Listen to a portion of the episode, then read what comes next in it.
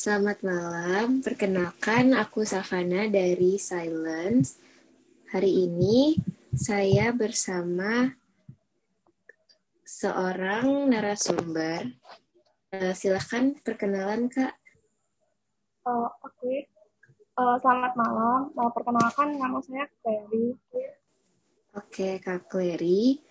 Uh, sebelumnya Aku ingin bertanya, apakah kakak bersedia untuk menceritakan cerita kakak atau tidak? Iya, saya bersedia. Oke, uh, jika bersedia, mungkin kakak boleh mulai menceritakannya, kak?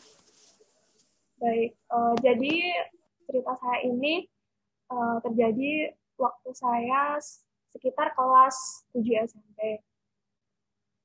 Awal awal kelas 7 SMP. Saat itu saya tinggal di salah satu desa yang berada di provinsi Jawa Tengah. Kemudian saya uh, ingin pindah rumah begitu. Jadi nama desanya itu Wonerjo. Nah, saya akan pindah ke sebuah tempat lain yang namanya Boyolali. Jadi waktu itu saya ingin pindah rumah dan uh, eh, SKHUN waktu SD saya itu belum saya ambil. Jadi saya diminta oleh ibu saya untuk menghubungi kepala sekolah SD saya untuk uh, mengambil SKHUN itu. Nah, malamnya sehari sebelum saya pindah, saya menghubungi kepala sekolah saya, saya uh, kirimkan pesan lewat SMS. Kepala sekolah saya uh, berkata kepada saya, besok bisa diambil. Saya berpikir bahwa mengambilnya akan di sekolahan, tapi ternyata besok paginya sekitar jam 6 pagi, seingat saya, uh, kepala sekolah saya itu menelpon saya dan saya ingat uh, cara beliau menelpon saya itu perkataannya tuh kayak seperti mendesak saya untuk segera datang ke rumah dia begitu. Saya ingat sekali itu, tapi saya tidak ada pikiran apa-apa sih karena kepala sekolah saya waktu itu juga dekat dengan saya dan menurut saya orangnya baik. Kemudian ya sudah saya diminta untuk datang ke rumah dia untuk mengambil SK hmm. Kemudian saya naik motor ke rumah dia karena rumahnya sebenarnya uh, tidak terlalu jauh dari apa rumah saya saat itu. Tapi seperti beda desa gitu beda hmm. perumahan gitu ibaratnya. Nah, sudah saya datang ke sana. Terus saya eh, kemudian saya dipersilahkan untuk masuk. Saya duduk di ruang tengah. Saya ingat ruang tengah rumah beliau itu uh, duduknya itu kayak apa ya lesehan gitu loh kayak semacam pakai tikar begitu. Terus ditanya-tanya ya ah, itu ya kamu mau pindah rumah ya? Begitu kan. Uh, terus saya bilang iya kok saya mau pindah rumah. Makanya saya mau ngambil SKU-nya ya saya bilang kayak gitu.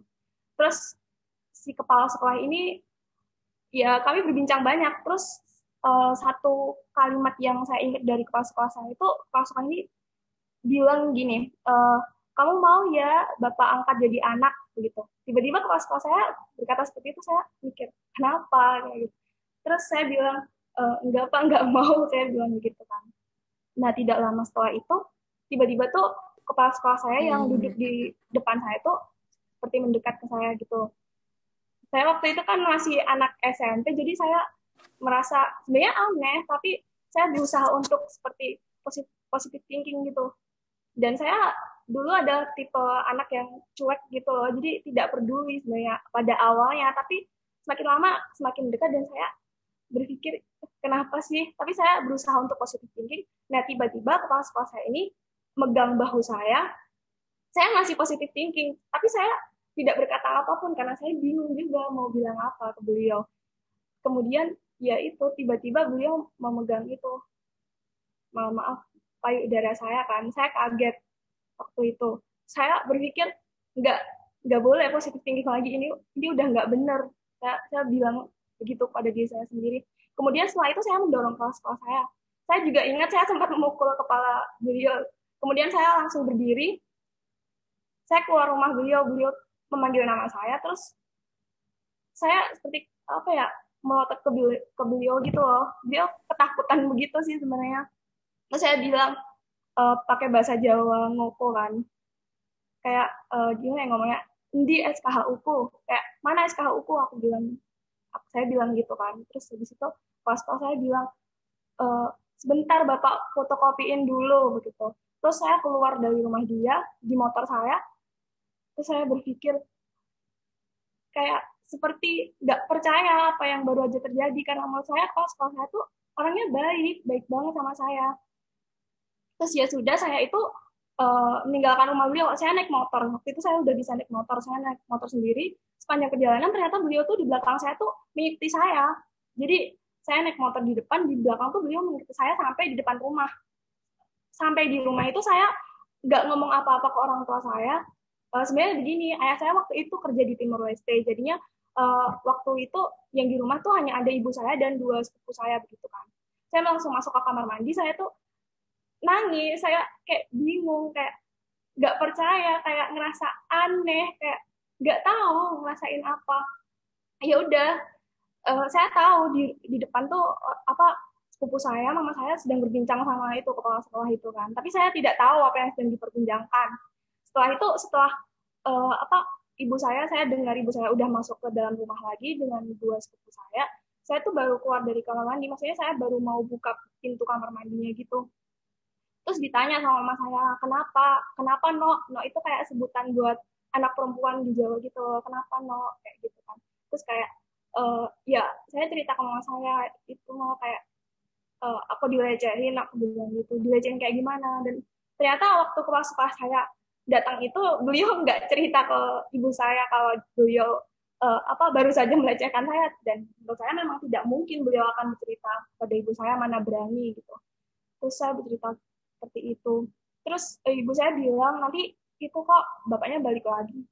Ibu saya bilang begitu. Tapi saya nggak mau nemuin si kepala sekolah itu lagi sih. Akhirnya waktu kepala sekolah itu balik lagi ke rumah saya mungkin antarkan SKHU-nya pada waktu itu saya saya nggak terlalu ingat dia balik kedua tuh ngapain. Pokoknya dia balik kedua terus baru ngomong-ngomong sama uh, mama saya dan dua sepupu saya begitu seperti berunding tapi pada akhirnya tanpa mama saya ngomong ke saya ternyata mereka udah mutusin buat kayak berdamai gitu. Berdamai maksudnya mama saya maafin kepala sekolah saya padahal saya sebenarnya masih apa ya marah. Bahkan sampai sekarang kuliah tuh sampai sekarang walaupun kejadian itu udah berapa tahun lalu ya udah enam tujuh tahun lalu tapi saya dalam hati kecil saya tuh masih kayak marah kayak masih nggak terima kayak kenapa gitu tapi saya nggak tahu sih saya juga nggak bisa berbuat apa-apa sebenarnya untuk uh, kalau dibilang trauma sih ada sih. Trauma nggak percaya kok orang yang sebaik dia yang baik banget sama saya bisa kayak gitu.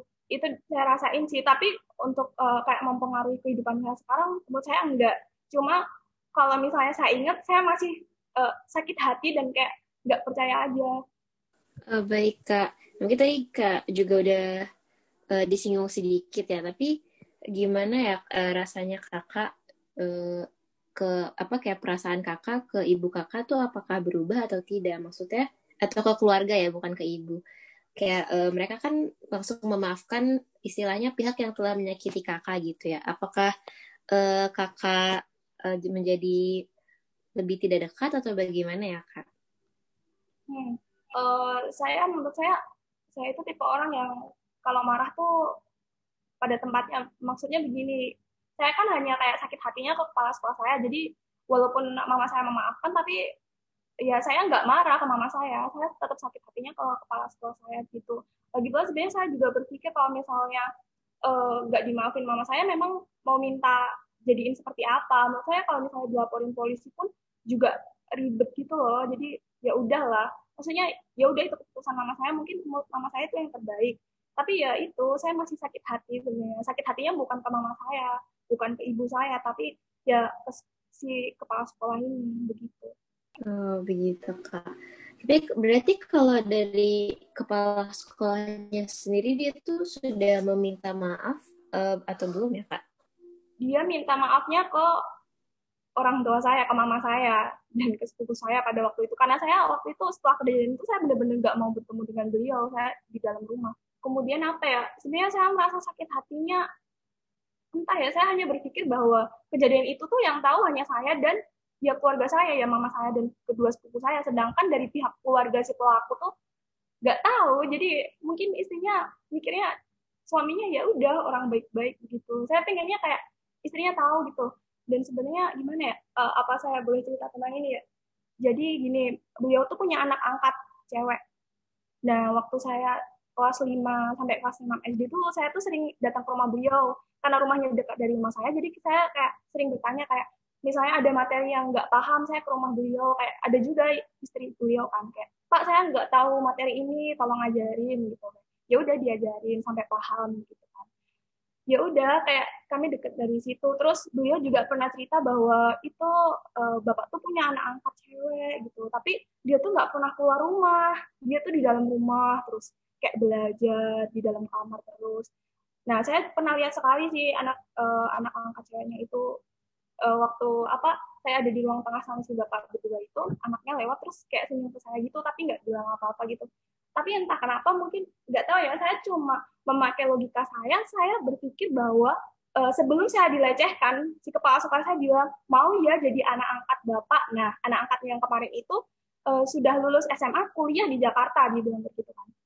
Nah saya berpikir jika mana saya mau jadi anak angkatnya sepertinya saya akan dilecehkan setiap hari dan saya juga ada berpikir, maksudnya saya juga berpikir entah dari mana, tapi menurut saya ini dari logika saya ya, kayaknya anak angkatnya juga dibegitukan gitu loh. Saya merasa begitu sih. Paham kan Kang? Maksud saya dibegitukan hmm, tuh kayak juga ya. dilecehkan begitu loh. Tapi mungkin nah itu eh, tapi mungkin kayak anak angkatnya juga nggak berani ngomong, makanya juga nggak berani kayak keluar rumah, kayak misalnya pulang pulang sekolah langsung di kamar doang kayak begitu. Saya curiga itu sih tapi ya nggak tahu itu cuma kecurigaan saya. Hmm iya kak betul kak.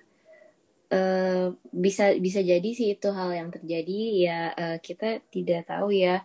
Makanya mungkin kita memang harus juga mengedukasi atau istilahnya uh, bilanglah ke orang-orang untuk berani speak up gitu ya kak nah selanjutnya uh, kalau dampak uh, kejadian ini ke kehidupan kakak itu ke depannya gimana ya kak? Uh, gimana ya? Saya kan dulu adalah kayak seorang anak yang selalu positive thinking ke semua orang. Sebenarnya saya cuek dan kalau misalnya ada sesuatu yang menurut saya aneh saya selalu berusaha positive thinking. Saya cuek sebenarnya saya peka tapi maksudnya saya tahu tapi saya cuek. Nah kalau udah apa uh, mungkin yang terjadi kayak reaksinya itu kayak berulang-ulang dan saya kerasa oh ini nggak bener tapi saya selalu berusaha namanya positive thinking dan semenjak kejadian itu saya selalu waspada sih sama sekitar saya. Uh, ya gimana ya? Uh, contohnya, biasa kan pernah dilecehkan beberapa kali.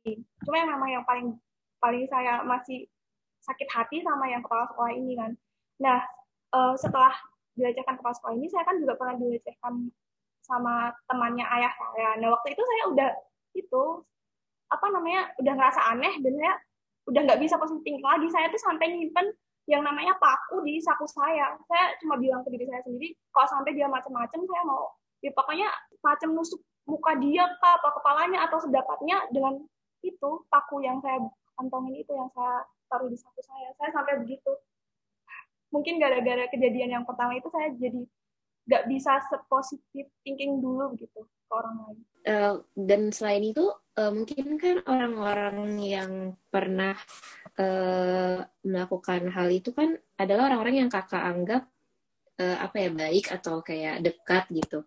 Nah, apakah kakak jadi kayak lebih tidak percaya dengan orang-orang yang di dekat kakak atau gimana ya kak? Betul, saya menjadi tidak percaya dengan orang-orang uh, di dekat saya, tapi sebenarnya tergantung sih, yaitu saya cuek, saya masih cuek sebenarnya sampai sekarang. Tapi jika misalnya ada perilaku yang aneh dan terjadi berulang-ulang, saya jadi curiga ke banyak orang, walaupun kadang mungkin apa ya itu normal tapi dilakukannya berulang-ulang kayak apa dia mau macam-macam saya tahu kayak gitu sih dan saya sekarang mempunyai prinsip bahwa saya nggak percaya sama orang lain saya lebih percaya ke diri saya sendiri. Ya saya tetap berusaha positif thinking ke orang lain tapi untuk dibilang percaya dengan orang lain 100% lagi tuh enggak gitu loh. Saya lebih 100% itu percaya ke diri saya sendiri gitu sih. Oh, baik kak Nah, uh, mungkin kan itu kejadiannya sudah beberapa tahun yang lalu ya, Kak. Nah, gimana sih Kakak kayak mengat, istilahnya mengatasi mengatasi apa ya, mengatasi pengalaman tersebut sampai sekarang ini, Kak? Kayak dalam diri Kakak gitu. Hmm. Saya mengatasinya um, ya mungkin gara-gara sifat dasar saya yang cuek sebenarnya saya memang trauma, saya sakit hati, tapi nggak berlarut-larut. Karena saya memang gitu sih misalnya disakitin orang pun saya nggak bukan tipe orang yang pendendam begitu. Jadi kayak misalnya hari ini terjadi sehari dua hari udah lupa. Tapi yang kejadian ini ya saya takut. Waktu kejadian itu saya takut.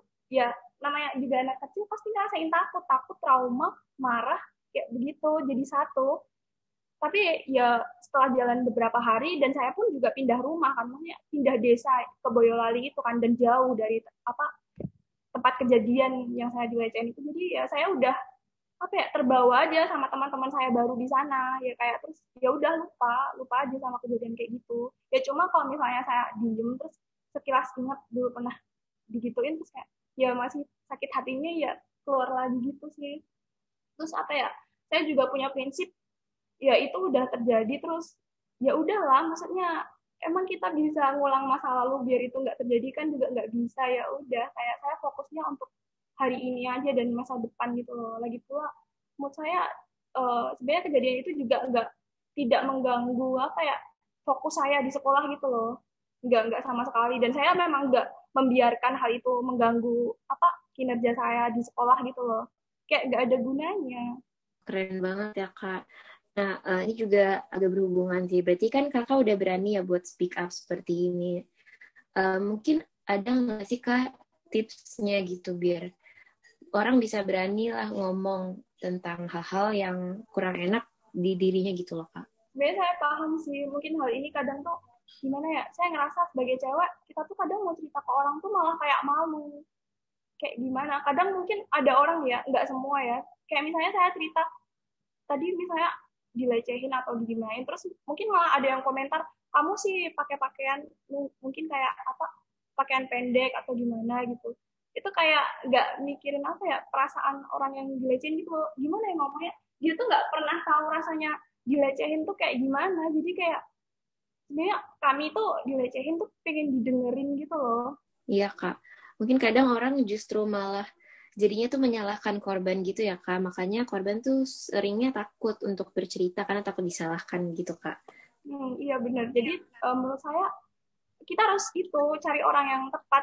Mungkin kita nggak bisa cerita ke semua orang kan. Kita cari orang yang tepat yang benar-benar ngerti kita. Seperti saya mungkin sama mama saya. Saya ceritanya juga mau ceritanya ke mama saya kan. Ya walaupun setelah mama saya pelan-pelan tanya ke saya kenapa sih? Sebenarnya kenapa? Kok pulang-pulang kok kayak gitu. Mama saya juga pelan-pelan itu. Dan saya ngerasa mama saya tuh uh, orang yang ngerti sih ngerti perasaan saya. Terus yang waktu kejadian saya dilecehin yang kedua kalinya itu saya juga malah nggak berani pulang. Saya tuh apa lari dari tempat itu naik ojek saya tuh ke rumah sahabat saya teman dekat saya dan saya nangis di situ. Terus kayak ada ibunya kayak ibunya ikut tanya ke saya. Saya kan juga deket sama ibunya sahabat saya itu kan kenapa? Terus kayak mereka sih yang hibur saya dan yang nganterin saya pulang bahkan si ibunya itu yang nganterin saya pulang dan ngomong ke mama saya tuh si ibunya itu.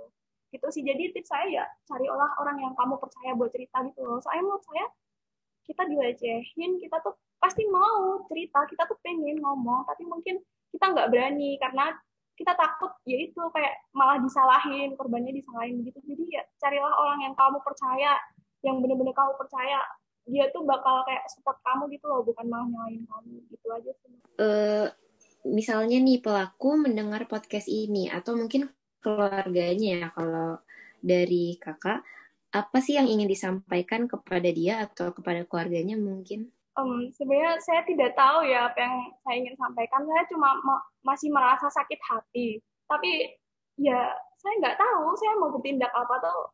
Saya nggak tahu kok misalnya masalah ini misalnya diperpanjang juga buat apa gitu. Saya juga lebih fokus kan untuk hari ini dan masa depan saya nggak tahu saya benar-benar nggak tahu sih mau ngomong apa mungkin saya mau ngomong jangan ngelakuin ke orang lain gitu saya ngerasa gini kalau misalnya pada waktu itu saya misalnya nggak berani memberontak nggak berani mungkin kayak mendorong beliau nggak berani mukul kepalanya mungkin saya mungkin ada hal-hal lain yang lebih apa ya buat saya trauma gitu loh. Paham kan kak? Mungkin maaf kayak seperti diperkosa atau bagaimana jika saya tidak berani memberontak pada saat itu kan?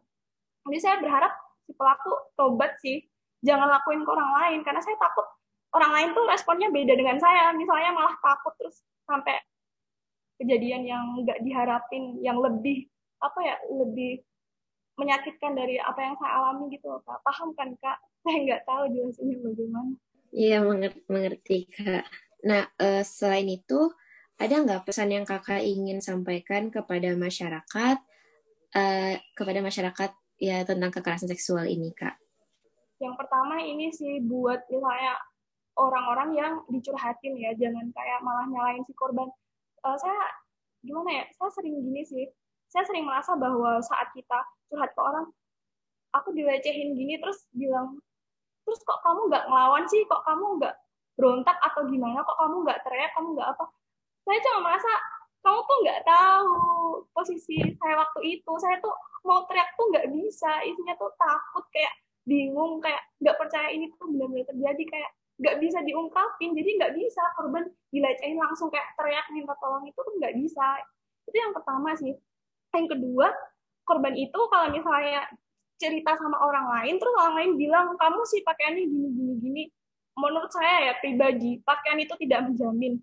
Uh, maaf ya mungkin kayak pakaiannya tertutup yang panjang-panjang gitu nggak menjamin dia tuh nggak bakal dilecehin sama orang lain. Karena dari pengalaman saya waktu saya SMP itu saya tuh kayak ya anak kecil biasa yang pakai kaos yang besar-besar pakai celana panjang tapi saya tetap dilecehin. Dan saya anak kecil yang misalnya menurut saya ya secara fisik tuh kayak belum maksudnya belum apa ya kan kalau misalnya uh, perempuan yang dewasa kan mungkin udah kayak dilihat maksudnya cowok lihat kan kayak mungkin ada nafsu apa gitu kan.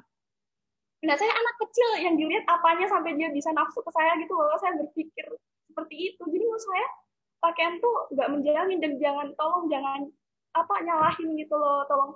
Kalau misalnya gitu kalau misalnya dia bingung nih diceritain tentang pelecehan dia bingung mau komentar apa mending kayak diem aja gitu loh daripada kayak malah nyalahin gitu. Itu nggak enak banget. Terus apalagi ya yang ketiga mungkin ya itu sih beranilah ya, kan. kayak cerita. Kalau pesan pesan yang ingin kakak sampaikan kepada orang-orang yang sedang mengalami hal yang sama atau pernah mengalami hal yang sama itu apa kak Nah, itu itu masuk yang ketiga yang saya mau bilang tadi sih, ya berilah cerita sih.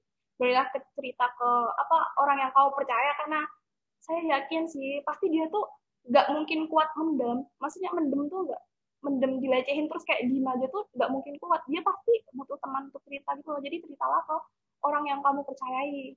Terus menurut saya jangan berlarut-larut sih kayak hidup kan juga harus terus berjalan. Terus jangan buat itu kayak jadi apa ya? Jadi kayak penghambat masa depan kamu gitu loh buat kayak sedih terus jangan kayak gitu sih. Ya kayak aku aja kayak udah terjadi ya kita kan nggak bisa menghindari hal itu gitu loh. Buat apa kayak misalnya kita tuh sedih gara-gara hal itu kayak buat apa kayak disesali buat apa mikir kayak e, kenapa sih aku mau kayak gini? Kenapa sih aku kayak nggak berontak aja waktu digituin? Kenapa sih? Kenapa sih? Jangan kayak gitu. Karena posisinya saat itu tuh kau pasti waktu dilecehin tuh pasti juga bingung gitu loh mau ngapa kayak ya udah jangan disesali aja kayak udah lupain aja kayak fokus buat hari ini dan buat hari esok yang lebih baik gitu loh udah gitu aja sih mungkin ini take home message-nya sangat bagus ya untuk masyarakat dan juga untuk orang-orang yang sedang mengalami hal yang sama. Nah, terakhir aku ingin uh, ngomong terima kasih banyak kepada Kak Clary telah bersedia untuk membagi ceritanya. Uh, mungkin ya seperti yang tadi Kak Clary bilang, mungkin uh, tidak mudah ya untuk menceritakan ini ke semua orang dan diharapkan dari cerita Kak Clary ini bisa diambil pelajaran ya oleh masyarakat dan juga oleh orang-orang lain. Terima kasih banyak Kak. Iya, sama-sama.